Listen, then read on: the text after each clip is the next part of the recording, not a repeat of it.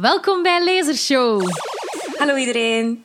Hallo iedereen, lieve luisteraars. Welkom bij Lasershow. Ja, uh, ja uh, welkom terug in onze zeventiende aflevering of achttiende aflevering. Ik vertrouw altijd op jou om dat te zeggen. Ah, shit. Kijk, uh, ik, ik denk zeventiende. Um, ik denk dat die van... Oh, nee, nee, nee, achttiende. We zijn goed bezig. We zijn bijna bij twintig. Ja. Ja, My Dark Vanessa was, uh, was de, de 17e. Dus, uh, ja. En vandaag hebben we het over um, iets helemaal anders. Ja. Alhoewel, ja. ja. Uh, ja, het gaat. Wij gaan het hebben over Jeroen Olieslagers met Wilde Vrouw. Verschenen eind 2020, nog op de valreep van 2020. En die um, was The Rave volgens vele eindejaarslijstjes. Ja, ik denk dat hij heel veel onder verschillende kerstbomen heeft gelegen als kerstcadeautje ook. Ja, ook onder die van u, hè? Ja, inderdaad, van mij. Ik heb het gekregen van mijn broer voor kerstmis. Omdat, ja, ik, ik had het ook wel een beetje gevraagd, omdat ik wist dat we er een episode over gingen maken. voilà, voilà. Uh, ja, kijk, uh, ja, ik... Um, zullen we eerst iets zeggen over Jeroen Olieslagers? Doe maar, als je dat hebt ja. voorbereid. Uh, semi. Dus Jeroen Olieslagers ziet er zelf een beetje uit als een wilde man. En vind ik, hè, zo, maar zo op een, op een goede, aangename manier. Hè, zo bossig haar, volle baard. Um, ja, die... En, en um, die is... Toch al een tijdje aanwezig in het literaire landschap in Vlaanderen en de Lage Landen. Um, is iets bekender geworden met zijn trilogie uh, Wij, Winst en uh, Wil. En um, dan nu ook Wilde Vrouw, alhoewel dat ik denk dat dat er um, minder bij aanleunt. Over zijn trilogie wordt gezegd... Um, wacht, hè. Wat, wat, wordt erover gezegd? Ah ja, het is dus een satirisch drieluik volksromans rond uh, geheugen en identiteit, waarvan elke titel begint met de letter W. Winst ging over hebzucht en het democratisch deficit. Um, en daarvoor kwam al Wij, 2009, Winst in 2012 um, en dan Wil in 2016. En die, vooral die laatste, Wil... Uh, wat dan gaat over de uh, collaboratie van de Antwerpse politie en de Antwerpse, Antwerpse bestuur met de Duitsers, uh, werd enorm positief onthaald en is ook alom veel gelezen. Um, ja, en we zullen het er straks misschien nog eens over hebben. Maar, en dus nu, in 2020, is hij terug met ook iets met een W. Wilde vrouw. Ja, voor mij, voor mij was het de eerste keer uh, dat ik iets van, van hem las. Uh, maar ik was wel direct geïntrigeerd door de titel eigenlijk, Wilde Vrouw. Ja, maar ik, ik was, ik was dan wel ook direct een beetje teleurgesteld uh, toen ik het boek uitlas, omdat ja, de Wilde Vrouw is voor mij niet echt de, hoofd, ay, of de hoofdzaak of het hoofdpersonage of zo. Dus nee. ik had eigenlijk een andere verwachting van. Door die titel dacht ik echt dat het over ja, de Wilde Vrouw ging gaan, maar eigenlijk is ze meer een, een, een bijfiguur die eigenlijk ook weer een beetje daar is om de hoofdpersonage tot een inzicht te brengen. Of, of allee, meer een functie van hem eigenlijk. Want ja, uh, het hoofdpersonage, misschien moet ik dat even zeggen, is, um, zijn naam is uh, Beer, toch hè? Ja, ja, Beer. ja, dat is um, ja, en hij is dus een, een, een, een herbergier uh, in het Antwerpen van de... Wacht, nu moet ik de juiste eeuw hebben. De, de 16e eeuw. Dus de, ja. de, de Gouden Eeuw, zoals dat we dat geleerd hebben in de geschiedenislessen. En um, ja, zijn, zijn herberg is eigenlijk een soort van epicentrum in de stad, waar dat heel veel... Um, ja, mensen samenkomen en, en je vangt zo'n beetje van alles op van wat dat er speelt in die, um, in die tijd. De politieke onrust, de religieuze onrust. Um, en, en hij is zo'n beetje... Ja, de, herberg is zo'n van plaats waar dan mensen samenkomen. Onder andere uh, de familie... Um, waar dat hij zo eigenlijk deel van is en niet echt deel van is. Het is een soort een groep van heel invloedrijke mensen die zo uh, een, een soort van ideeën goed delen. Um, en ja, dus hij, hij is daar zo aan verzeild geraakt. En, en het is eigenlijk... Ja, het boek zelf... Er is wel echt een verhaal, maar voor mij ging het eigenlijk meer over de sfeer.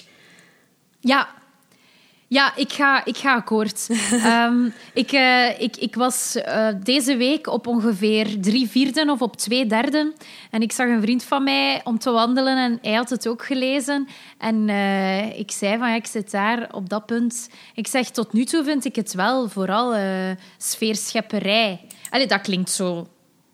Misschien, dat heeft misschien een negatieve bijklank, zo bedoel ik het niet. Maar inderdaad, ik vind dat er enorm een beeld wordt geschapen van hoe dat op, uh, op dat moment, in die cruciale periode, in de 16e eeuw, die periode rond de beeldenstorm, vlak voor de val van Antwerpen, de 80-jarige oorlog en zo, hoe dat Antwerpen er toen uitzag.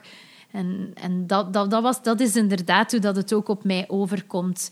En dan heb je die verteller, want alles is vanuit die ik-persoon, vanuit Beer, die als herbergier een waarnemer is, maar ook wel deelneemt. En soms, ja, in een ander boek van Olieslagers, in Wil, wordt er gesproken van een tweezak. Uh, is misschien wel een lelijk woord ook, maar uh, dus iemand die ja, van alles ziet en daar wel aan deelneemt. En vaak wordt gevraagd om dingen te doen ja. voor bepaalde partijen en daar dan telkens in meegaat, maar zich ook wel vragen stelt van is dit wel oké wat ik aan het doen ben?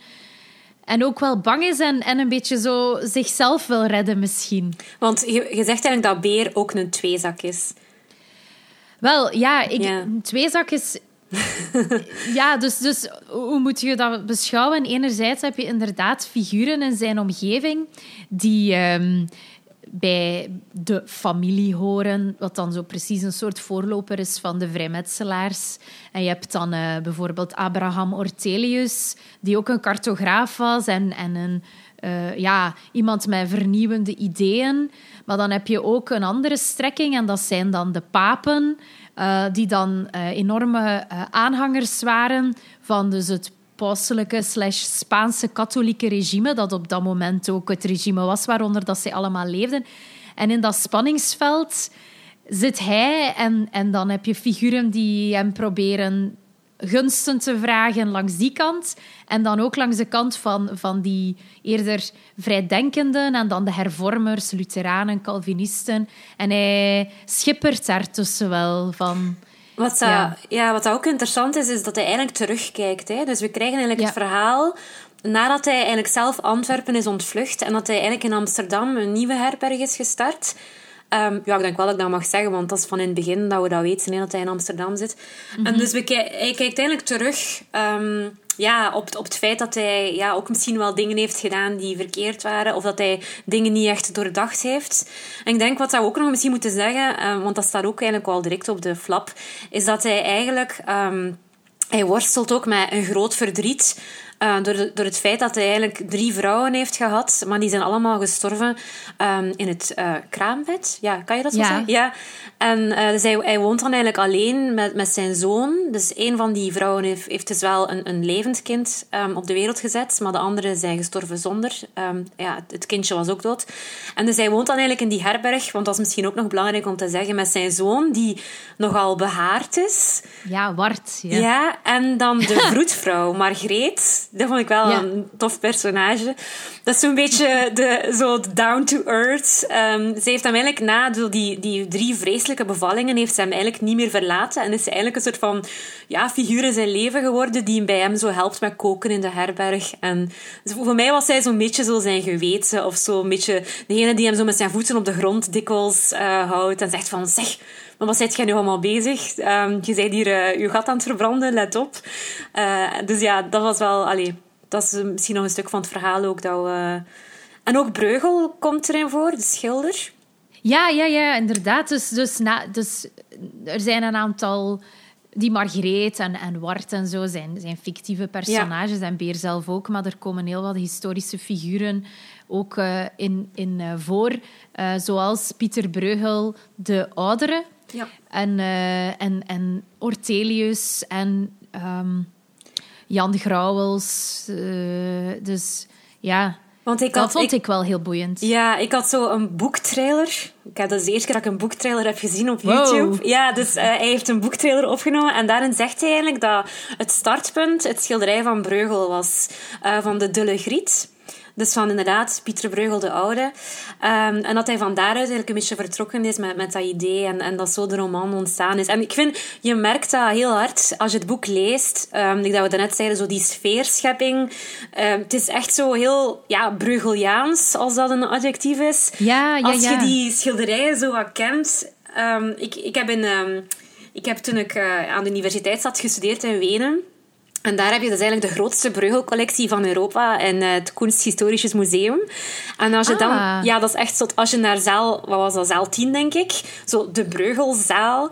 Uh, als je daar naartoe gaat, dan, dan hangen dus die, die, ja, die werken van Breugel hangen daar... Je kunt daar echt uren naar kijken. Hè. Ik weet dat, dat ik ben dan uh, op bezoek geweest. Tim, een vriend van mij, kwam op bezoek en wij waren dan naar dat kunsthistorisch geweest. En die Breugelzaal, ik weet dat we daar heel lang hebben staan kijken naar die doeken, omdat er zoveel te zien is en zoveel details. En dat, dat gevoel dat ik toen had, van, dat ik naar die schilderijen aan het kijken was, had ik ook nu een beetje als ik dat boek aan het lezen was. Ja, en, ja dat is want, een mooie vergelijking. Want, want um, in die boektrailer zei uh, Olieslager ook dat, um, dat uh, eigenlijk een soort van teletijdsmachine is. Zijn boek dat je terugbrengt naar zo die Gouden Eeuw en naar Antwerpen. En dat is ook wel echt... Um, dat, dat is echt zo, vind ik. Ja, ja het, het, uh, het, het zoog mij helemaal mee in die tijd. En, en ik vond dat een welkome afwisseling van, uh, en een beetje een, een uitweg uit het hier en nu. Ja. Uh, en, en bijvoorbeeld wat dat mij, wat dat mijn verbeelding wel uh, deed, uh, ja, prikkelde, was zo dat, dat dus Antwerpen uh, in zo'n kleine ijstijd doormaakt. Of ja, eigenlijk heel ja. Vlaanderen, heel, heel Europa. Dus er is een hele periode geweest waarbij dat de temperaturen super laag waren. Ik heb dat daarnet opgezocht. Dat duurde wel. Dat is, dat is echt... We spreken over een paar honderd jaar. Dat, dat, in vergelijking met nu dat het veel kouder was. En um, dus de Schelde is dichtgevroren. En, en dan maken ze zo uh, markten en, en, en zo standjes en winkeltjes op, het, op, op, het sneeuw, op de sneeuw en op het ijs. En dat is net toen dat het hier ook zo heel hard aan het sneeuwen was. Ja. Ja. Ja, ik wilde dat stukje zelfs voorlezen, omdat dat was voor ah, mij... Doe maar, ja, ja, Ik, had het, ik had dat aangeduid, omdat dat stukje echt zo voor mij een moment was dat ik het zo helemaal voor mij zag en dat ik dacht van, dit kan echt een, een breugelschilderij zijn. Hè? Wacht, ik zal het even nemen. Ja. Um, hier. Een winter op ijs betekende veel volk, vertier en zaken doen. Op de bevroren breedte tussen de rivieroevers waren al tenten gezet, stalletjes getimmerd en werden er vaten aangesleurd. Het ijs was nu zo dik geworden dat er vuren werden aangestoken aan de zijkanten van de smalle strook van stallen, waar mensen snuisterden in alles wat hen werd aangeboden, waar ze warme wijn konden drinken en zich vervolgens ijzers lieten aansmeren om onder hun schoenen te binden. Er werden wuivende rietstengels uitgedeeld waarmee mensen paradeerden. Het was een mogelijk redmiddel om elkander op te vissen uit een wak of waar het ijs minder dik was, maar het werd gebruikt als een elegant attribuut door zowel vrouwen als mannen. De meeste tenten die een banket aanboden hadden geen zitplaatsen meer. Iedereen at schaap van de verschillende spitten die permanent werden omgedraaid en overgoten. De geur van tijm waaide me tegemoet. Twee van de allerbeste worsten met een stuk brood voor een halve stuiver, riep er iemand achter mij. Een kruik Spaanse voor zeven stuivers. Wat verder maakte enkele vissers hun vangst proper aan een grote tafel. Er waren erbij die hun vissen rookten waar je bij stond. Uiteraard werd er van alles verkocht. Kleren, handwerk, potten en pannen, zelfs goud en zilver. Niet meer uw poten aan mijn marchandise, alstublieft, door u, gilde een kleermaker tegen een vent die een stuk stof wou vastpakken dat door zijn vrouw werd aangewezen, terwijl zijn handen glommen van het worstenvet. Rechts van mij zag ik jonge mensen een ronde dans maken, begeleid door een paar muzikanten van de heilige Cecilia, met trommelaars, enkele die snerpend op schalmeien bliezen en één die hun varel hoog hield en meewiegde op de tonen van de muziek. Er waren vuurtonnen waaruit mensen, uh, waar rond mensen stonden te keuvelen. Aan een stalletje zag ik mannen zich over juwelen buigen die werden aangeboden, terwijl hun vrouwen stampvoetend de kou en hun ongeduld trachten te beheersen. Op stro zaten drie vermangelden die hun beenstompen hoog hielden in de hoop op wat duiten. Een van hen had een ruw gemaakte bisschopmijter op, die als een vissenkop naar boven hapte. Samen zongen ze schunnige liederen over pastoors. Schunnige liederen over pastoors. Ja, het was, het was wel lang, hè, maar ik vond echt zo Nee, die nee. sfeer, ik vond dat echt fantastisch. om, om, te lezen. Maar het is wel, ja, hier is alles nog fijn en ze genieten van de winterpret en, en van op het ijs te zijn, dat je zegt. Maar dan, ja, wordt het opeens ook wel echt um, moeilijker en is het allemaal niet meer zo plezant natuurlijk, hè. Nee, want ook dan met, met de, de sneeuw en het ijs geraakt de stad nog meer in een crisis. Want de sfeer van vrijheid is ook een beetje een, een, een, beetje een bedrieglijke sfeer. Want enerzijds praat iedereen de taal van het geld en van de handel, maar anderzijds leven er zoveel verschillende religies samen en, en komt er een soort spanning die niet houdbaar is, ook door de ontevredenheid dan van, uh, van, van de, de bevolking en, en van de crisis die er komt door die winter, mislukte oogsten, de Spaanse overheersing. Dus het is een beetje een valse vrijheid die iedereen voelt, denk ik. Um, en die maar makkelijk iedereen... ook... Ja, Iedereen probeert ook zo munt te slaan uit alles. Ja. want je hebt dan mensen die dan die hongersnood tijdens die wintertijd proberen uit te buiten en die dan graan hebben opgekocht en zo en die echt zo aan het speculeren zijn daarop. En ik heb zo'n beetje het gevoel dat, dat dat dat ook een soort van waarschuwing is of zo. Of, dat, dat dat zo'n een gevoel is dat wij, allee, dat olieslagers er nu op terug... Um, allee, dat wij dat nu, als we nu op terugkijken, dat we zo denken van ja, die gouden eeuw, dat was ook wel echt inderdaad... Het ging over handel drijven en, en het kapitalisme dat opkwam. En, en het heeft zichzelf ook voor een stukje ten val gebracht of zo, hè? Ja, ja, ja. Uh, bedoel je dat er overmoed was? Ja, ja. Ja, het is zo de, het gouden tijdperk en alles was mogelijk. En dan gingen ze eh, met hun boten proberen via het noorden naar China te gaan. En, en het was zo een, een tijd, ik had het gevoel, je kon, je kon heel veel zeggen, maar tegelijkertijd ook niet. Want er waren ook overal spionnen blijkbaar. En dan met die boekdrukkunst, dat is ook iets dat mij zo heel hard intrigeert, dat er dan zo verschillende boekdrukkers waren. Maar dat ze dan toch tegelijkertijd moeten opletten met wat dat je zegt. En inderdaad, zoals je ook al zei, die religies, omdat de conflicten en zo, die, die polarisering. Is het polarisering of mhm. polarisatie? Ja, polarisering. Dat, dat, dat, voor mij speelde zich dat zo af op drie vlakken. Omdat je hebt inderdaad dat religieuze, die, die, die strijd die dan inderdaad de beeldenstrijd gaat worden tussen dan zo, ja, die Calvinisten en, en de Lutheranen en dan de katholieke stromingen en zo. Maar je hebt ook dan het politieke, het Spaanse... Um, ja, dus de Spaanse vorst tegenover dan die, um, hoe noemt die kerel nu weer uit Holland? Willem van Oranje. Willem van Oranje, ja. Ja, dus die moeit zich daar dan ook weer in. En je hebt dan zo de mensen die zichzelf de geuzen noemen, die het opnemen voor dan zo de gewone werkmens, die wordt uitgebuit dikwijls. Maar dat is dus dan vals, hè? Ja. Dan, dan doen ze of dat ze geuzen zijn, maar dan laten ze zo armoedige kleren op maat maken. Ja, maar dat bedoel ik. Het is allemaal zo uh, ja, chaotisch ook. Omdat die, omdat die strijd op zoveel verschillende um, niveaus... En dan heb je ook dat de stadsbeleid, dat zo corrupt is. En dan moeten die mensen zo keihard belastingen betalen. En de kerk betaalt er niet mee. En het is allemaal zo... Ja, het is zo een heel polariserende tijd of zo. En ik denk... Wat ik er ook zo uithaal is... Ik denk dat ook wordt gezegd in dat boek van... Dit is het eind de eindtijd. Of mensen denken zo van... Dat, zo dat apocalyptisch denken zo van... Er, gaat er gaat een crisis komen. Dit kan niet zo verder blijven gaan. Ja, en die, die Ortelius die zegt dan ook tegen Beer van, uh, dat, dat hij denkt dat het einde der tijden is aangebroken. En dan, ik las ook dat dus die Ortelius was dan bevriend met Mercator, die dan ook uh, bezig was met kaarten maken en, en van de wereld en zo. En dat hij ook een, zo, een, zo, een soort voorspelling had gedaan dat in 1588 de wereld zou vergaan. Dat daar blijkbaar historische bronnen van zijn, dus dat dan Olieslagers dat ook heeft gebruikt in zijn boek om die dat te laten zeggen.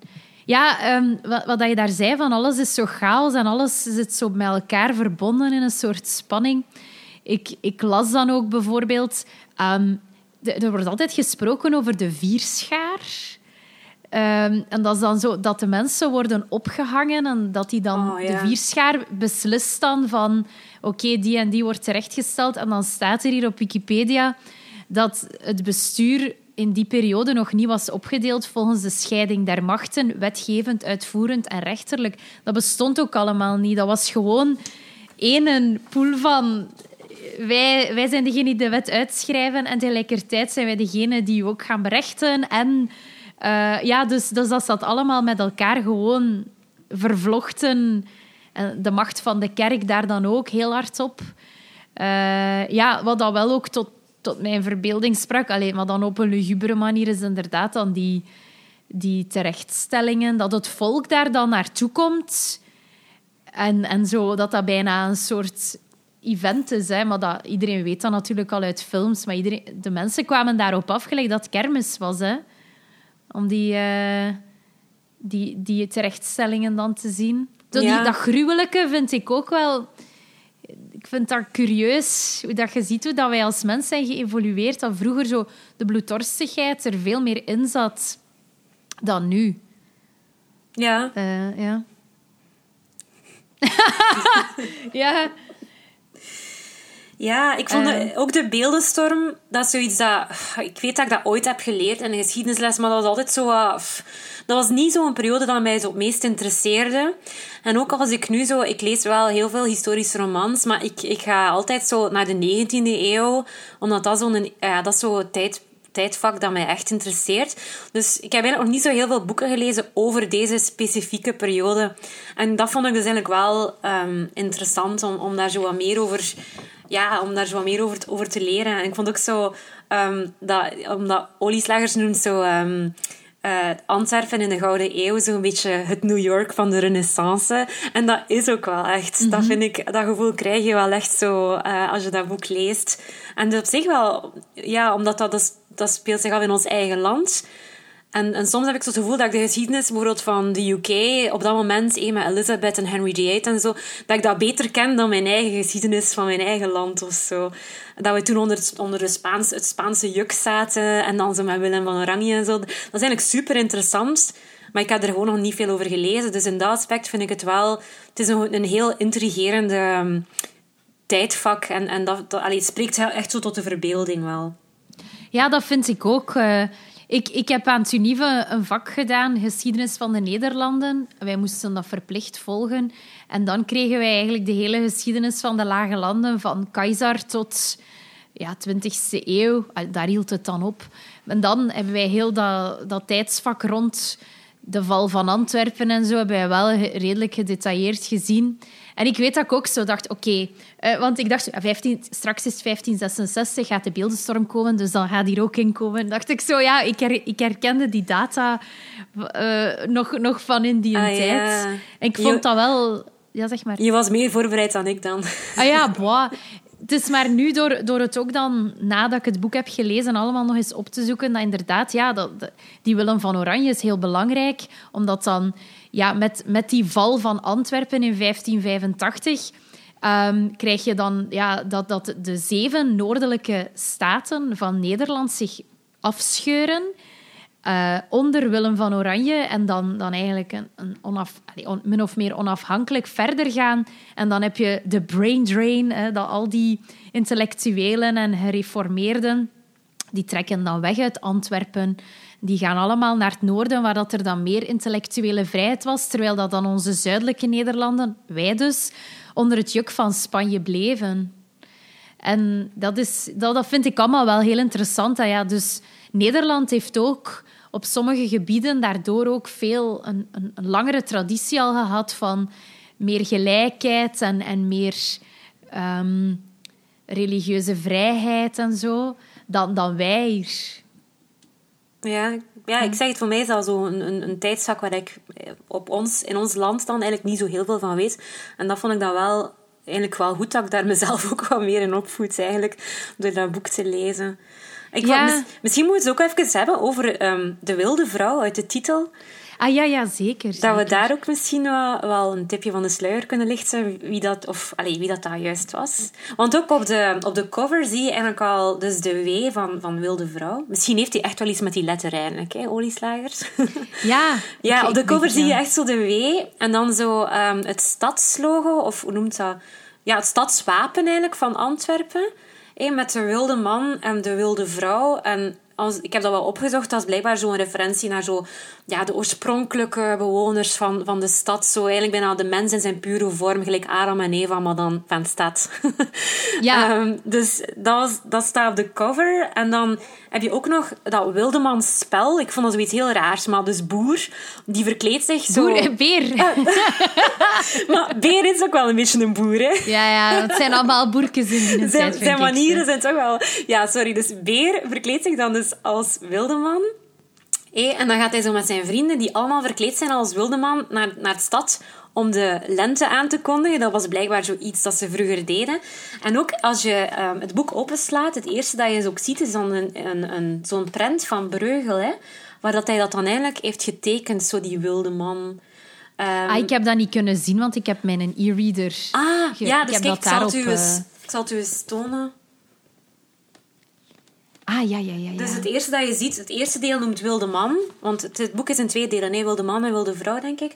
Ehm, en dus dan zie je zo die, die, die prent van Breugel. Van, dus blijkbaar was dat vroeger een traditie dat, dat, dat ze dat dan deden om de lente aan, de, aan te kondigen. Ja, op Ehm, lichtmis eigenlijk. Ja, zoiets. Ja. En dan, ja, de Wilde Vrouw is dan eigenlijk iemand die helemaal niet uit Antwerpen komt. Hè? Nee, dat klopt. Dus, dus Beer is inderdaad... Is dan met zijn wildemansschilden, dan doen ze die traditie.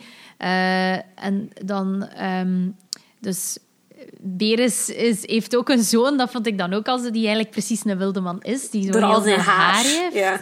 Ja. En dan de wilde vrouw.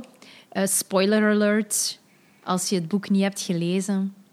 Goh, ja. Eh, ik weet niet, ik, ik ben gewoon met een totale blanke ehm, geest begonnen aan dat boek. Ik wist niks. Eh, ik had ook geen flap of zo gelezen, niks. Eh, Ah, ja. Maar dus de wilde vrouw, ja, we zullen het dan maar zeggen, zeker of niet? ja. Oké. Ehm, Want we, Eh, hebben het de- al ge- we hebben het al gehad over het feit dat ze dan zo met een, een schepen gingen naar het noorden om proberen een doorgang te vinden. ja, En dan komen ze terug. Ik denk, ze waren met vier schepen gegaan, maar er is maar één schip dat terugkomt. En aan boord hebben ze dus de wilde vrouw met haar kind. ja. Ehm, dus waarschijnlijk een Inuit ja, dat dacht vrouw. ik ook. Ja. met haar dochtertje, die samen eh, dan, dan in de buik van het schip terug worden meegenomen naar eh, Antwerpen. En die dan ehm, op de zolder van Beer worden gehouden als een soort ehm, bezienswaardigheid. Eh, en die door Beer ook als, een, als dieren worden gezien. Maar eigenlijk door gaandeweg begint hij ook wel meer en meer ehm, te beseffen dat hij zichzelf misschien iets voorhoudt. En dan Margreet is degene die hem inderdaad weer met zijn voeten op de grond trekt en zegt van... "Eh, onder die pels zit een vrouw. Of wat dacht je misschien dat daaronder zat, zegt ze dan. En dan, ja, hij, hij begint meer en meer door te hebben van... Ja, dat, ze, dat zijn mensen en... en Ja, maar dat is, Ehm. dat is ook een stukje zo die, die boertigheid van dat volk. Dat ze dan zoiets zien dat ze niet kennen. Dus de andere, of iets, allez, iets anders dan wat dat ze normaal gewend zijn. Omdat die vrouw die is helemaal in van die dikke pelzen ehm, ja, gewend. Al dat zijn haar kleren, ook aan haar dochtertje. Ehm, en ze zingt ook blijkbaar op, in een taal dat ze niet kunnen verstaan. En dat is zo heel mysterieus eh, voor die Antwerpenaren. En dan gaat Beer er eigenlijk nog een keer geld gaan uitslaan door dan zo geld te vragen aan de mensen. En dan doet hij zo een soort van tralies in de deur, zodat de mensen wel naar haar kunnen kijken zonder haar aan te raken. Want er waren dan zo'n paar andere boeren die al geprobeerd hadden van haar aan te raken. En er was, ja...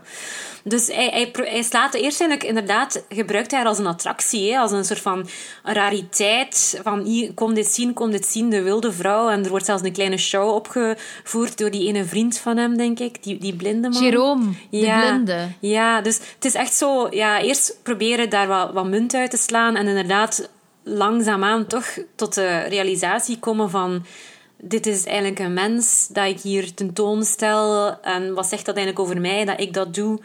Ehm, dus, Daarin ja. vind ik hem dus een tweezak. Want hij, enerzijds ehm, wil hij hen beschermen, dus hij zet die tralies ook voor hen. Maar anderzijds kan iedereen dan wel ook naar hen komen kijken, ter, mits eh, toeslag. en, en dat vind ik wel... eh, dat, daaraan toon- toont, vind ik, Olie Slagers dat hij een complexe figuur is. Hè, die... Zo, ja, Ja, gewoon ja, dat hij er dat... tussen zit en... Ja. maar het hele conflict dat zich eigenlijk in Antwerpen op dat moment afspeelt, zo die tweestrijd tussen al die verschillende dingen, dat zit ook in, in Beer zelf eigenlijk. Hè? Absoluut. Ja. Ja. Um, het mij, ja, ik denk dat de mens daarin, de, de, de honderden jaren die er nadien zijn gekomen, uh, niet veel wijzer is geworden. Hè? Want, want um, in, bij ons hier in Gent in 1913 heb je de wereldtentoonstelling uh, gehad. En dan hadden ze ook uh, mensen meegenomen um, uit andere werelddelen om dan tentoon te stellen. Ik denk zelfs in Expo 58 ook ja, nog. daar was ook het kabinet, ja, het, het, Congo, het Congolese paviljoen. En daar waren ja. ook mensen in strooien rokjes te zien en al die dingen. Ja. ja in 58. Ik weet niet, ik heb het gevoel dat ik dat in een vorige podcast heb gezegd, maar ik weet het ondertussen niet meer. Dus sorry aan de luisteraars. Maar dus er was een... een, nee, een um, ik weet niet meer uit welke nationaliteit, welke nationaliteit, maar er was ook een, een etnisch volk waar dat ze iemand hadden van meegenomen. En die is dan op de wereldtentoonstelling gestorven aan de kou. Um, en dan hebben ze een brug hier in Gent naar hem genoemd. Ah, echt? Ter ere van... Maar ja, nu pas, hè, ja, de afgelopen ja, ja. jaren. Um, ja, maar dat een was, soort wedergoedmaking. Ja, maar ik denk dat we dat ook zo natuurlijk in zijn tijd moeten zien. Dat was gewoon vroeger een, een vorm van entertainment. Hè. Mensen die gehandicapt waren, mensen die af, fysieke en mentale afwijkingen hadden.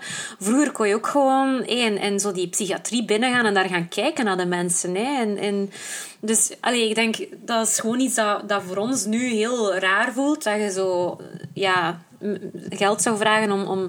Of denk aan die film, die Elephant Man bijvoorbeeld ja, mensen zijn altijd geïntrigeerd geweest door het andere. En, en vroeger was, hadden mensen daar gewoon ook minder scrupulen rond, denk ik, om dat te gebruiken. Ja, dat is waar. Ja, de... Ah, ik heb het gevonden. Het was een, een, een, Filipijnse man. En um, hij werd geveld door onze westerse ziektes. En hij heette Timicheg. En nu is er... Het is een tunnel die naar hem genoemd is. De ah, Timicheg-tunnel. Ja. Enfin, ja, nee, dat klopt. Hè. Gewoon alles wat dat vreemd en was en zo. Uh, het hele concept van de freak show, of die ja. film Freaks, ja, dat is gewoon omdat mensen daardoor ja, super hard geïntrigeerd zijn. Ja. ja. Het is zo een lelijk kantje van de mens ook. Hè. Ja, eh, ik moet zeggen, ik ga akkoord als je zegt van dat je misschien um, een beetje teleurgesteld werd door de titel van Wilde Vrouw. Ik had uh, hetzelfde gevoel. Want um, ik had misschien meer verwacht van de band ik ook. Die, wilde, die de wilde man Beer met, um, met de wilde vrouw zou hebben gehad. Om, omdat, excuseer, je gaat zo naar een soort punt toe dat hij iets gaat vertellen over de wilde vrouw en hemzelf. En dat ze dichter tot elkaar komen en zo verder. Nee, nee, nee. Maar dan vond ik dat wel licht teleurstellend. Ja, het, het, hele boek voor mij voelde echt zo aan als sfeerschepping, zoals dat jij al zei. En ik had ook echt wel wat tijd nodig, uh, om eerlijk te zijn, om in dat boek te geraken. Ik vond dat niet zoiets dat ik zo bleef lezen. Ik moest mezelf soms echt wel zeggen van, kijk, Pauline, nu ga je verder lezen in dat boek. Omdat, ja, het was zo heel veel... En dan die historische personages en, en zo die beelden. En dan, dan komt die wilde vrouw er opeens wel, wel bij... Um, maar dan ja, dat is dan een figuur die erbij komt, maar dan heb ik zo het gevoel dat ik, dat ik zo wat, wat meer ja, diepgang daar omtrent mis. En, en ook, eh, dan ging het op het einde opeens te snel. Dan was het bijna het omgekeerde. Terwijl dat het eerste deel van het boek zoveel sfeerschepping en, en tijd neemt, wordt het dan opeens snel, snel afgerond naar het einde toe. Bijna in drie pagina's of zo horen we dan wat er met de wilde vrouw gebeurde. Ja, dat gebeurt heel snel, hè, die afhandeling van die wilde vrouw. En dat, vond ik, ook. Ja, dat stoorde mij echt wel een beetje van... Ja, dat, dat, dat had ik... Alleen, dat, je pakt zoveel tijd voor, voor dat boek op te bouwen en over andere dingen te praten. En dan dat gaat dan in drie pagina's even erdoor. Allee, dat, dat, vond, dat vond ik zo... Uh, ja, ook zo na het boek toen ik het uit had, had ik zo'n beetje het gevoel van...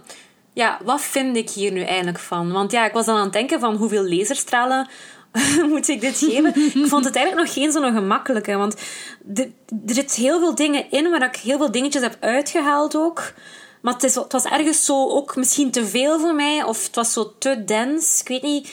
En, en ja, het probleem dat ik ook heb, een beetje als, als misschien als vrouwelijke lezer, ik weet het niet, hè, is dat ja, ik miste zo uh, ja, dan inderdaad het perspectief van die wilde vrouw. Of ik vond dat zo sommige personages, de, de weinige vrouwelijke personages dat er dan in zaten, misschien zo iets wat te karikaturaal waren. Zoals ja. Margreet. Allee, ik vond dat grappig, maar het was ergens zo iets te veel een, een cliché of zo. Om echt realistisch te zijn. Ik, wel, want toen dat je dat zei, van dat je dat een leuk personage vond, dacht ik, ah Ah, dat verrast mij nog wel, omdat ik dacht dat hij misschien heel hard zou zijn en zou zeggen van... Ja, dat was zo het cliché van een vrouw die met haar deegrol uit haar raam hangt. Maar ik hou van dat cliché, niet van. Ik vind ja, dat schitterend. Maar dat is, het is comic relief bijna. Ja, het was gewoon wat... Allee, het was zo wat easy, ik ga het zo zeggen. Maar het werkt, hè. Het werkt. Maar ik, ja, ik vind het wel zo wat... Als, ja, ik miste zo wat ja, zo wat, wat, wat diepgang um, in, in die vrouwelijke personages. Ook met die andere vrouw dan, met wie dat hij dan even... Ja, eigenlijk alle vrouwelijke personages herkende ik mij niet echt of vond ik het zo... Uh... Maar ja, dat is natuurlijk moeilijk misschien, hè. Ja, maar ik, ik dacht ook van, we moeten het daarover hebben. Toen dat ik het uit had, uh, om dezelfde reden. Ik mis ook wel Ehm, een krachtig vrouwelijk personage. Uh, want ik vind dat ze van die Margreet misschien wel nog iets meer hadden kunnen maken. Zeker want die, heeft ook, die is interessant, hè? Die, die helpt ook de zwangere vrouwen en die, die keek zo naar welke kruiden dat ze moest gebruiken. En dacht, hmm, ja, hier wil ik meer over weten. Of bijvoorbeeld Marie. Ja, die bij de dochter, werkt. De dochter van, de, van de wilde vrouw. Ja, ja die dan... Uh, oei, dat is, dat is misschien ook een beetje een spoiler. Ik had dat, maar ik had dat ook niet zo rap door. Zo. Ah, ik wist dat direct. Ja? Ja, vanaf dat ik wist dat de wilde vrouw met een dochter kwam, dacht ik, ah ja, dat is... Ja. Dat is Marie. Ja, ja. dat had ik wel vrij snel door. Ja, ja wel, eh, daar wordt... Eh, dat personage is, is vlak, hè. Daar weet je niks over. En dan heb je ook nog Dona Maria. Ja, dat was die dat ik eh, bedoelde. Dat, dat vond ik ook zo... Daar zat meer in. Maar ik denk ja, jammer ook van, hem, van haar en Beer. Ja. Uh, er, er, wordt dan zo, er is dan zo'n beetje een intrigue tussen haar en Beer. Um, en ik, ik, wil het niet spoilen wat er daar allemaal gebeurt, maar dan had ik ook misschien wel meer verwacht van haar. Uh, naar hoe dat olieslager daar misschien had kunnen afbeelden of zo, of wat dat haar keuzes zouden geweest zijn. Ja, ik denk dat hij gewoon echt heel gefocust is geweest op dat personage van, van Beer. En, en ja, misschien daarmee ook dat we echt zo zijn blik krijgen. Maar ik vind het gewoon ironisch dat de roman dan Wilde Vrouw noemt. Noem het dan gewoon Beer. Allee, dat zou ook werken. Ja, ja of Wilde Man. Ja, want hij is ook een wilde man. Hè? Allee, dat zou, het, zou ook, allee, het zou ook werken. Ja, heb je dan... Dus, ja, zeg maar. Ik ging gewoon vragen, heb je dan op het einde van jouw boek, als je dat op de e-reader hebt, heb je dan de afbeelding gezien van de wilde vrouw? Um, denk het wel. Op het ah, einde waren er dan wel nog... Um, was er een tekening en dan heb ik ook wel die tekening, denk ik, gezien. Ja, ah, ja. Uh, die heb ik gezien. Ah, dus die heb je wel um, gezien, ja. Er, is trouwens wel een... Uh, de expeditie die zich in het verhaal afspeelt, is nooit gebeurd. Nee. Maar uh, misschien heb je het ook gelezen op die Wilde Vrouw website. Trouwens, een aanrader voor iedereen die het boek leest, want Olieslagers heeft heel veel onderzoek gedaan. En je kan daar allemaal over lezen op wildevrouw.be, waar hij het heeft over verschillende van de historische personages en de gebeurtenissen. Ja, en daar super interessant. Heel interessant. En um, dus de expeditie uit het boek heeft zich niet voorgedaan, maar wel een gelijkaardige expeditie is wel gebeurd. En toen hebben ze ook een, uh, een Inuit uh, man of een paar Inuit mannen ja, meegenomen ja, naar het westen hier. En dan heeft Lucas Deren uh, die ook geschilderd en getekend.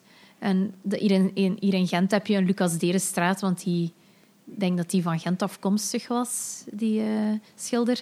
In elk geval, uh, er is dus iets gelijkaardigs wel gebeurd. dus dat was ook, ja, ja, Daar, in ja, je voelt dat de schrijver echt zijn, de research gedaan heeft. En het is, allee, ik, ik, blijf erbij qua sfeer, vond ik... Uh, sfeer, amai, goh. qua sfeer... Wel ja, die award moest hem ook wel eens scheren, zeg. Serieus, man. Qua sfeer vond ik het wel echt iets hebben. Um, maar ja, qua verhaal of zo, ja, qua, qua karakters dan iets minder voor mij. Ja. Ja. Ik vraag mij ook af, als je totaal niet geïnteresseerd bent in die periode, Nee. of dat het iets voor u is, omdat, ik, omdat dat boek dan door heel veel mensen werd hè, eh, van, zo op lijstjes, maar het zijn allemaal mensen die ook wel een, een, een interesse hebben in literatuur en al, en misschien ook dan in geschiedenis. Die hadden dat dan allemaal aanbevolen, maar ik vraag me af of dat, dan nu wel, of dat een breed publiek geïnteresseerd is in dit verhaal. Ik denk dat dat echt een, een heel zware turf wordt als je niet geïnteresseerd bent in geschiedenis of in die personages of in Breugel. Ehm, en ik had, Wat- ik had gelezen dat iemand eh, het zo vergeleek. Dat was in een recensie die zo zei dat, ehm, dat je qua verhaal en qua sfeerschepping Wilde Vrouw echt perfect naast die ehm, romans van eh, Hilary Mantel zou kunnen plaatsen. Eh, die zo gaan over Thomas Cromwell en, en zo de Tudors toch, hè? Omdat dat zo'n beetje ongeveer hetzelfde tijdsvak is. Misschien wel vroeger, dat denk ik, als Henry VIII. Dus ik weet het eigenlijk niet. Maar dat is, dat, dat, misschien is er wel, de dag van vandaag, een, een zekere interesse naar die periode. Want die drie romans van haar doen het ook heel goed. Ehm, dus het kan wel zijn dat er een, een grote groep mensen echt wel geïnteresseerd is in die eeuw. Omdat die ook wel eigenlijk in onze westerse geschiedenis een enorm belangrijke eeuw was. Maar ik denk, als je daar zo weinig affiniteit mee hebt, of als dat je allemaal zo niet zo hard boeit, dat dat echt een opdracht wordt om dat boek te lezen, denk ik. Persoonlijk. Ja, en wel, ik, ik wou nu nog er misschien aan toevoegen dat, eh, dat er misschien een, een, een grotere interesse is voor Wilde Vrouw, omdat het zich in dezelfde periode afspeelt als eh, het boek van Bart van Loo, De Bourgondiërs. Ah ja. Ehm, of Is ja, dat dezelfde periode? Goh, het is de Bourgondiërs eh, overspant een heel grote periode en, Ah. en begint ook wel een heel stuk vroeger. Allee, Het boek begint bij Attila de Hun. Dan Ah. gaat het heel rap en dan heb je ehm, Karel de Stoute en zo verder. En ik denk, maar ik heb dus de Bourgondiërs ben erin begonnen, maar ik moet eens doorlezen, want anders vergeet je alles. Ja, dat, dat omspant ook nog keizer Karel en keizer Karel is dan de vader van Philips II en Philips II is dan de, de, de vorst die heerst tijdens de periode van Wilde Vrouw. Ah ja. dus ja. mensen die de Bourgondiërs hebben gelezen, en dat is een, een heel populair boek, Ja. die hebben wel die bagage mee. ja, en dat is een eigenlijk dan, al. Dan is het eigenlijk al bijna een vervolg daarop. Of zo van how Ja. it continues. Ja. Ja, ja, want, want ja, die, dat loopt eigenlijk naadloos bijna in elkaar over. Of zelfs het overlapt misschien op het einde wel een klein stukje. Ja. Ehm, want ik kijk hier nu in de boekentop 10 en dus van Standaard Boekhandel staat Wilde Vrouw op 4. Hè? Ah ja. Ja, dus misschien zijn wij dan niet juist met onze prognose. onze veronderstelling. Maar ja? ook Hamnet, dat we ook al hebben besproken in onze, een van onze vorige podcastafleveringen, vorige zomer. Dat is ook die periode. Hè. En dat gaat dan ook over een historische figuur. ehm, Shakespeare dan, maar en dan de vrouw ervan. En dan zo eerder een fictieve invulling ervan, zoals Beer eigenlijk. Dus het, het is wel zeker iets, denk ik. ehm, en er zijn ook heel veel linken, denk ik, ook met de tijd waarin dat wij nu leven. Want dat was ook zo, als het dan gaat over die boekdrukkunst en zo gevaarlijke ideeën verspreiden, dan moest ik ook zo denken aan zo, ja, Facebook en social media, waarop dat iedereen ook nu zo zijn ideeën kan verspreiden. En, of zo die anti-vaxxers bijvoorbeeld en zo. Of Trump, hoe dat Trump social media gebruikt. Dat, er zitten heel veel raaklijnen in met onze tijd. En zelfs bijna waarschuwingen, zo, las ik het soms. Zonder dat olieslagers dat zo expliciet erdoor ramt. Maar dat zit er wel in, heb ik het gevoel. Ja, ja, dat is ook... Ik had daar een recensie uit de Standaard er eens bijgenomen, omdat ik dacht, wat, wat, wat vinden zij? Ik wou die dan- ook lezen, maar die, ik, ja, ik heb dus geen abonnement, dus ik raakte er Ah niet ja, in. mocht al, ik heb een abonnement, mocht altijd vragen. Ja. Ehm, er, er, daar wordt ook inderdaad verwezen naar, eh, naar Trump. Dan, dan, de recensent zegt... Olieslagers legt onnadrukkelijk lijntjes naar de wereld van vandaag, zoals de Trumpisten, die hun eigen waarheid hebben. Eh, de dreiging die zou uitgaan van andersdenkenden en het onbegrip dat tussen gelovigen met verschillende overtuiging leeft. Ja.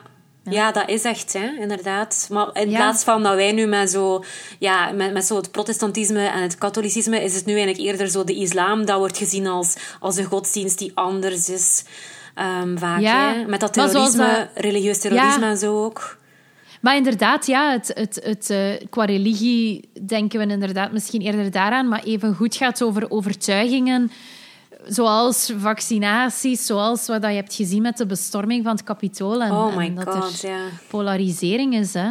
Ja. Ja, eh, over, over die figuur van Beer, die dan met zijn twee benen soms in twee verschillende overtuigingen of strekkingen staat, eh, vind ik zie je parallellen met, uh, met het boek Wil van Jeroen Olieslagers. Um, dat deed mij eraan denken, omdat daarin het hoofdpersonage Wilfried knipoog naar de titel Wil. Mai, ja. ja. Ja, Jeroen, je bent goed bezig, zo man. um, daarin, dus de figuur van Wilfried is... Uh, Wilfried is, uh, kijkt ook, zoals Beer, terug op een uh, vorige periode uit zijn leven. En um, is iemand die politieagent was in Antwerpen tijdens de Tweede Wereldoorlog. en terugkijkt op die periode van jodenvervolging en beseft dat hij daar ook aan deel heeft genomen aan die razzia's. Uh, maar tegelijkertijd ook Joden heeft geholpen tijdens de oorlog door mensen die hij kende in het verzet. En dan, dan heeft hij ook uh, Joden eten gebracht, Joden die verstopt zaten. En hij, hij kijkt ook terug nu als oude man uh, op die periode waarin hij van alles en nog wat deed voor beide kanten van het verhaal toen. Dus het is wel iets, denk ik, misschien waar dat olieslager in geïnteresseerd is. In zo die morele grijze zone van iemand in de, die... de tweezakkerij. Ja, in de tweezakkerij. Want een mens, een mens is, is vaak ook zo. Is, is uh, niet onversneden, eenpartijdig. Hè? Um, ik, ik weet niet goed hoe dat het is in zijn andere boeken. In, in um, Wij en in Winst. Die heb ik niet gelezen. Ik ken ook het verhaal niet. Maar misschien zoekt hij daar ook diezelfde uh, thema's in op. Ja, ja ik zou trouwens... Ja, zeg maar. Nee, zeg jij maar. Ah ja, ik zou trouwens Wil um, zeker warm aanbevelen als... Um, uh, we hebben het ook er heel eventjes over gehad bij ja. de opgang. Um, ik vind het uh, super interessant, omdat het is nog altijd heel actueel, denk ik, die collaboratie. En uh, het geeft zo wat meer een kijk ook op hoe dat het in Antwerpen was tijdens ja, die, die periode en die samenwerking die er was met, met de Duitsers. Hè. Ook al is het in een fictionele versie, maar...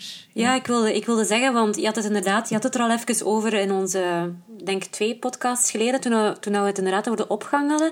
En toen had ik het uh, genoteerd van, dat boek wil ik lezen, maar ik ben er dus nog niet tot uh, geraakt, maar ik wil het echt heel graag lezen ook. Zeker ook omdat ik wel vind dat um, als je dit boek leest, zie je echt wel dat Olieslagers echt wel ja, een woordkunstenaar is. Hè. Ik denk ook op mijn, um, op mijn flap staat er hier zo dat hij echt bijna als um, Olieslagers schrijft tegelijk archaïs en volks en doet bij vlagen aan Shakespeare denken. Tegelijk warmbloedig en rauw, zwierig en compact, grappig en wijs, een meesterwerk. Dat staat hier, um, dat is het parool.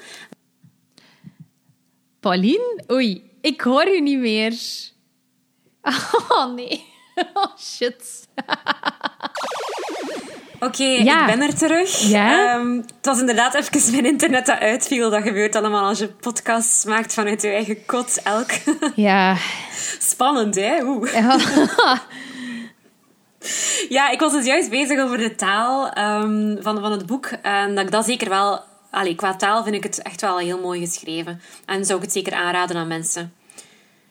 Ja, ik ga akkoord, want, want um, het is zowel... Um, eigen tijd als toch een beetje aanleunend bij de tijd die, uh, waarin het verhaal zich afspeelt. Dus ja, dat vind ik, ik heel goed gedaan. Ja, ik dat ze zeggen van Shakespeareaans, zo'n beetje. Dat, ja, dus inderdaad. Ik wil ook nog even, um, qua oldtimer, heb ik er eigenlijk uh, de strips terug bij gehaald. Ook met onze vorige aflevering nog, weet je, over de graphic novels. Ja.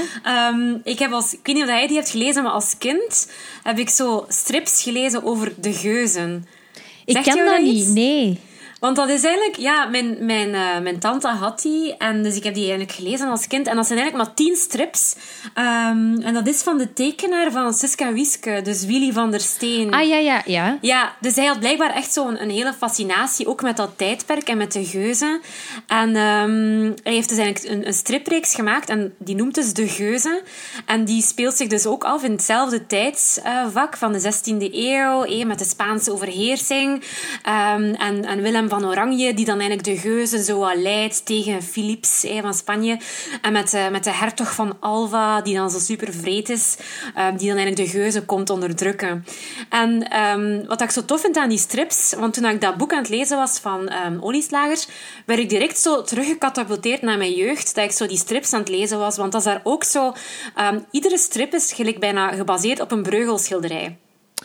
Ah. Ja, en op het einde van elk album zie je dan ook een soort van ads van, uh, van een breugelprent of schilderij. En dat is eigenlijk super, allez, super tof ook, omdat je dan als kind snapte dat nog niet zo heel goed. Maar krijg je wel zo'n stuk die een wereld van breugel binnen via um, een strip eigenlijk. En uh, ik weet dat Hergé, want ik heb dan nu wat opgezocht over die, um, over die strips. Ik ben ze ook terug uit de biep gaan halen, want ik wil ze nu na het lezen van Wilde Vrouw, wil ik die strips nu terug ook lezen. Um, en Hergé, dus de tekenaar van, van Kuifje, die heeft eigenlijk gezegd dat, dat Willy van der Steen eigenlijk de breugel is van het beeldverhaal. Wow. Omdat hij, ja, omdat hij dus zo geïntrigeerd is door, door dus die schilderijen van Breugel en ook door de geuzen en door zo die tijl-uilenspiegel-legendes en zo. Blijkbaar heeft hij daar ook een stripreeks over gemaakt. Dus... Over tijl-uilenspiegel ook? Ja. ja. Ah, oké, oké. En zo de, de twee hoofdpersonages van de geuzen... Wacht, ik zal een keer tonen. Dat ziet er zo uit. ah, ja. Ja, dat zijn zo Hannes en Veerle. Gezien. Nee? Zo grappig, nog nooit gezien. Maar ik herken wel de stijl van Willy van der Steen, maar ik heb nog nooit... Ja, uh, direct, ja. direct. Want het is grappig, want ik had die als kind gelezen en nu ben ik die dus aan het herlezen door dus, um, dat boek van Olieslagers te lezen. En het is, het is zo grappig, omdat je zo echt dingen, die beelden terug herkent van toen je klein was eigenlijk. Het, is heel, het was moeilijk om ze, te, om ze te vinden, want die strips zijn, die worden niet meer gedrukt. Hmm. En Willy van der Steen heeft echt in zijn testament laten opnemen dat die reeks niet mag verder gezet worden. Wauw. Dus weet je, sommige hem... reeksen... Ja. Zoals, zoals Jommeke en ja, zoals Jommeke, Susken en Wisken ook. Hè? En Lucky Luke ja. en, en Asterix en Obelix, die worden dan verder gezet door iemand anders. Maar hij wou dat dus met deze strips niet. Dus het is echt bij de tien um, albums gebleven. En dus ze zijn niet meer in druk, dus ze zijn niet zo gemakkelijk te vinden. Dus ja, ik heb wel zo zitten zoeken op het internet naar zo'n stripwinkeltjes in Nederland en België. Ik heb er een paar besteld, omdat ik nu echt wil weten hoe dat verder gaat. Ah. ja, dus dat is eigenlijk wel ook een... Allee, als, het is ook zo met grapjes dan weer zo, eigentijdse grapjes, maar zo... Uh, like de, de Spaanse generaal, eh, of de Spaanse soldaten, die zijn echt zo als stoem. En uh, de, de, de oppergeneraal noemt zo um, generaal Sangria de Paella. Alright. Dus, ja, dus het is wel zo van die, ja, van die kleine... Het is dus leuk. Dus voor mensen die, um, die ja, die periode ook interessant vinden, zijn die strips ook wel een aanrader. En heel luchtig wel. En tof, met heel veel verwijzingen naar, naar Breugel, schilderijen ook. Ja, ik herinner mij wel dat, dat er ook een, een stripverhaal is van Suske en Wiske dat de Dulle Griet heette. Ja. Uh, dus ik denk dat dat ook gaat over die vrouw in dat schilderij. Ja, ik heb die nog gelezen uh, vroeger. En ook nu in die stripreeks van de Geuzen um, is er dus inderdaad... Um, wacht, ik weet nu niet welke dat was. Want ik heb eigenlijk nog maar de eerste twee gevonden. Ik weet het niet, maar er is ook, ze komt er ook in, de Dulle Griet. En ook getekend. Um, ik denk zelfs in de eerste hier. Zie, kijk, dit is dus Willy van der Steen, zijn versie van uh, Dulle Griet hier. Ah, ja. Heeft ze rood haar? Um, grijs. Maar ze, ah, zit Wel ze zit in het vuur. Ah. Um, en dan het tweede album, De Ekster op de Galg. Dat is ook gebaseerd op een schilderij van Breugel, De Ekster op de Galg. Dus het is echt allee, een heel slimme reeks, eigenlijk, vind ik. Uh, om zo kinderen vertrouwd te maken met, met het werk van Breugel, zonder dat ze het eigenlijk beseffen. Ja, ja, ja, ja ik begrijp het. Ja, dat is misschien het klinkt zo, wel heel interessant. Dat is misschien zo typisch voor zo... Um, want die, die stripreeks liep van 85 tot 1990. Misschien was dat toen zo'n beetje typisch om zo educatieve beeldverhalen te maken voor de jongeren. Ja. Ik weet het niet. ja? Maar dat is een, een leuke, ja, met toch een kleine referentie naar zo de graphic novels terug. ja, ja, en een, een interessante manier om, om uh, er nog meer kennis mee te maken met, uh, ja. met die periode. Ja, op een ja. andere manier. Ja, misschien nog even de laserstralen. Ah ja, um, om af te sluiten zo.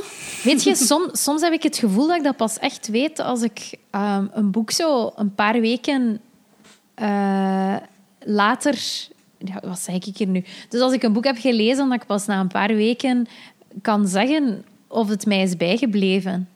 Ja. Ik, want soms heb ik een bepaald gevoel en dan, dan gaat dat ook meteen weg en weet ik totaal niet meer waarover dat gaat twee dagen later.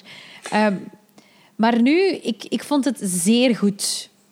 Ik vind het zeer boeiend. Ehm, ik vind het zeer mooi geschreven. Ehm, en ik vind inderdaad uh, ja, dat, dat er, als je het vanuit een feministische of vrouwelijk perspectief bekijkt, dat ik vind dat de vrouwelijke personages te weinig zijn uitgewerkt, dat daar misschien een gemiste kans was. Edoch, Pauline, het was ook echt een mannenwereld. Hè? Ja, de vrouwen hadden gewoon geen stem. ah, ja, of amper. Wat dat niet wil zeggen dat je ze niet kan belichten. Maar... Um, ja. ja, je hebt eigenlijk nu zo'n beetje samengevat wat we hebben besproken in deze aflevering. Goed, goed gedaan. nee, ik, ik, ik, ik twijfel. Ik denk 4,5. Ik had 3,5. Ja. Of 5. Ja, omdat ik, ja, omdat ik toch zo qua verhaal had ik zo wat meer verwacht. Of dat het toch beter afgewerkt zou worden. Bleef ik daar zo'n beetje op mijn honger zitten. Um, maar het is wel waar wat je zegt. Soms lees ik een boek um, vind ik het, weet ik gewoon direct van oké, dit vind ik supergoed. En is dat ook een boek dat mij heel lang gaat bijblijven, dan weet ik dat al, dat gevoel. Maar bij andere boeken kan het inderdaad zo precies nog wat veranderen als er zo wat tijd is overgegaan. Of als je wat meer hebt gelezen erover. Of andere boeken hebt gelezen. Dat je eigenlijk wel ziet. Bijvoorbeeld met My Dark Vanessa was dat zo. Hè, dat, ik, um, dat, dat ik het eigenlijk beter vond nadat ik Lolita had gelezen. Dus ja, je hebt wel gelijk dat soms als er tijd over gaat. Dat je een, een roman eigenlijk anders inschat dan nadat je hem pas gelezen hebt. Ja. Um, dus ja. Maar goed, 3,5, 4,5, dat is al een, een, mooie score voor Ollie ja. Hè? ja, ik vind dat ook. Ik vind dat ook. Oké. Okay. Goed. Goed. Over dan, naar de eh, onbekende lezer, hè? Ja, en dan, uh, dan horen en zien wij elkaar een volgende keer terug. En jullie ook, ja. lieve luisteraars. Dag. Dag. Hallo iedereen. Mijn naam is Annelies. Um, ik ben leerkracht Nederlands ben heel blij dat Pauline mij gevraagd heeft um, als onbekende lezer. Um, maar nu zit ik wel met heel veel keuzestress natuurlijk. Daarom ben ik gewoon voor mijn boekenkast gaan staan en ga ik hier nu gewoon een boek uithalen. En het zal het moment zelf zijn dat het zal doen beslissen. Alvorens ik dat doe, um, kan ik misschien zeggen dat ik als lezer Um, en als leerkracht Nederlands um, en ook als student um, literatuur, want ik ben mijn master Nederlands nog aan het halen, eigenlijk heel de tijd op de wip zit tussen literatuur met een groter doel, als in het moet de wereld redden, en literatuur dat mij gewoon omarmt en dat mij leert leven in deze geschifte wereld. Um, en als ik dan op dit moment denk ik dat het tweede mij overheerst, en dan haal ik hier nu het lang verwachte vervolg van Call Me By Your Name uit mijn kast. Um, Call Me By Your Name is geschreven door André Eekman, um, al een vijftiental jaar geleden. Het is verfilmd, drie, vier jaar geleden. Naar aanleiding daarvan is er een bestseller geschreven, um, een opvolger, sorry. Um, en zoals iedereen zou denken, kan dat alleen maar slecht zijn. Um, tweede delen. Maar dat is hier dus helemaal niet het geval. het gaat dus over het tweede deel. in het Engels Find Me. Ik heb de Nederlandse vertaling gelezen, Vind Me. nu ik het hier vast heb, overvalt mij terug het gevoel van waar en hoe ik het las. Ik las het op een weekendje Parijs met mijn fantastisch lief. Na een hele drukke periode van werken en studeren. Um, en vooral studeren als in veel boeken lezen en daar besprekingen en analyses over moeten maken. Maar dit was in lange tijd nog eens een boek dat ik kon lezen om mijzelf te leren leven terug. Um, en het is een fantastisch liefdesverhaal. Um, en dat is toch wel eigenlijk waar we allemaal stiekem naar hunkeren, naar liefde. Um, en ik weet nog toen ik het las, um, dat ik ook heel de tijd dacht: het bestaat echt liefde. Liefde bestaat echt. Um, voilà. Dus wie echt nog eens een klassiek liefdesverhaal wil lezen van twee personen die verliefd worden, ehm, dan kan ik dus het tweede deel Find Me van André Eekman aanraden. Het leert je leven. Voilà.